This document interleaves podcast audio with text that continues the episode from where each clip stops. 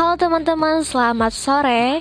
Jadi ini podcast pertama Wardah atau nama pena yang sering kalian tahu Yokina Senmi. Hari ini aku akan bagi-bagi tentang review buku dari Yuval Noah Harari yang judulnya Money, Hikayat Uang dan Lahirnya Kaum Rebahan. Oke, review buku pertama ini di halaman pertama Penulis menggambarkan tentang sebuah emas yang menjadi alat tukar paling populer pada zaman dahulu. Nah, kiranya kalau kita tebak-tebak sebelum adanya uang, alat tukar itu ada emas. Bahkan permusuhan terjadi akibat logam ini.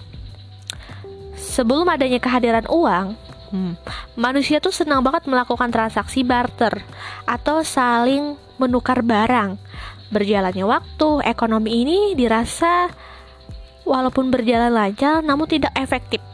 Kenapa? Nah, barter itu hanya efektifnya pada pertukaran barang yang sifatnya terbatas. Dan barter tidak bisa basisnya pada sebuah pertukaran yang kompleks atau sesuatu yang dianggap tak setara. Akhirnya, masyarakat menemukan cara yang lebih mudah menghubungkan para ahli dalam jumlah besar. Nah, mereka pun mengembangkan tuh yang namanya uang. Terus hmm, kita pasti nebak-nebak nih definisi uang itu kalau menurut Yuval Noah Harari itu apa sih? Nah, kata beliau, uang itu bukanlah koin atau kertas. Tapi kan yang kita tahu sekarang ya, uang itu bentuknya koin dan kertas. Iya, benar. Namun, hakikatnya uang adalah sesuatu yang disepakati orang-orang untuk menggunakannya dalam rangka melakukan pertukaran barang dan jasa. Nah, pada masa kini jumlah uang elektronik itu jumlahnya lebih banyak dibandingkan uang kertas. Di zaman ini, transaksi-transaksi bisnis dieksekusi dengan memindahkan data elektronik. Kebayang nggak? Sekarang itu uangnya cuma bentuk elektronik loh.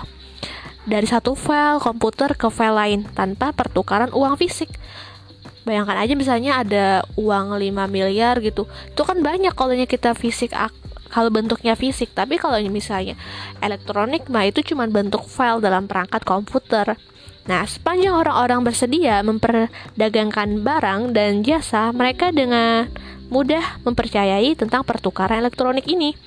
Selama ini pula, pertukaran lebih mudah dihitung.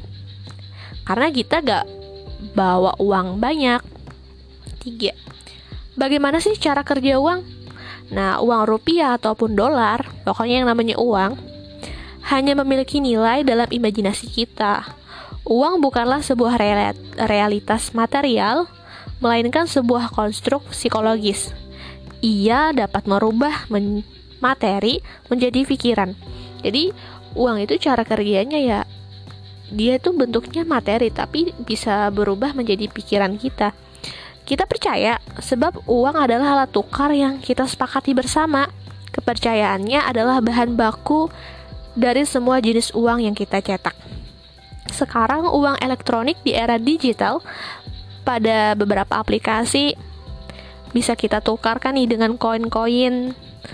Misalnya kita mau main game atau menulis online, saldo di GoFi, Oppo, maupun kita nggak mengisi di saldo di Shopify. Nah, ini adalah alat tukar yang kita sepakati bersama uang-uang digital. 4. Uang dan agama. Nah, Kristen dan Muslim tidak bisa sepakat dalam keyakinan religius. Tapi bisa sepakat dalam keyakinan mata uang. Ya, karena agama itu kan meminta kita mempercayai sesuatu, sedangkan uang meminta kita mempercayai sesuatu yang dipercayai semua orang. Bakal, uang bahkan orang yang tidak saling kenal pun dan tak saling percaya bisa berhubungan kerjasama loh secara efektif karena uang. Ya, mungkin itu dulu reviewan yang pertama. Nanti kita sambung dulu. Selamat istirahat. Selamat beristirahat. Dah lah.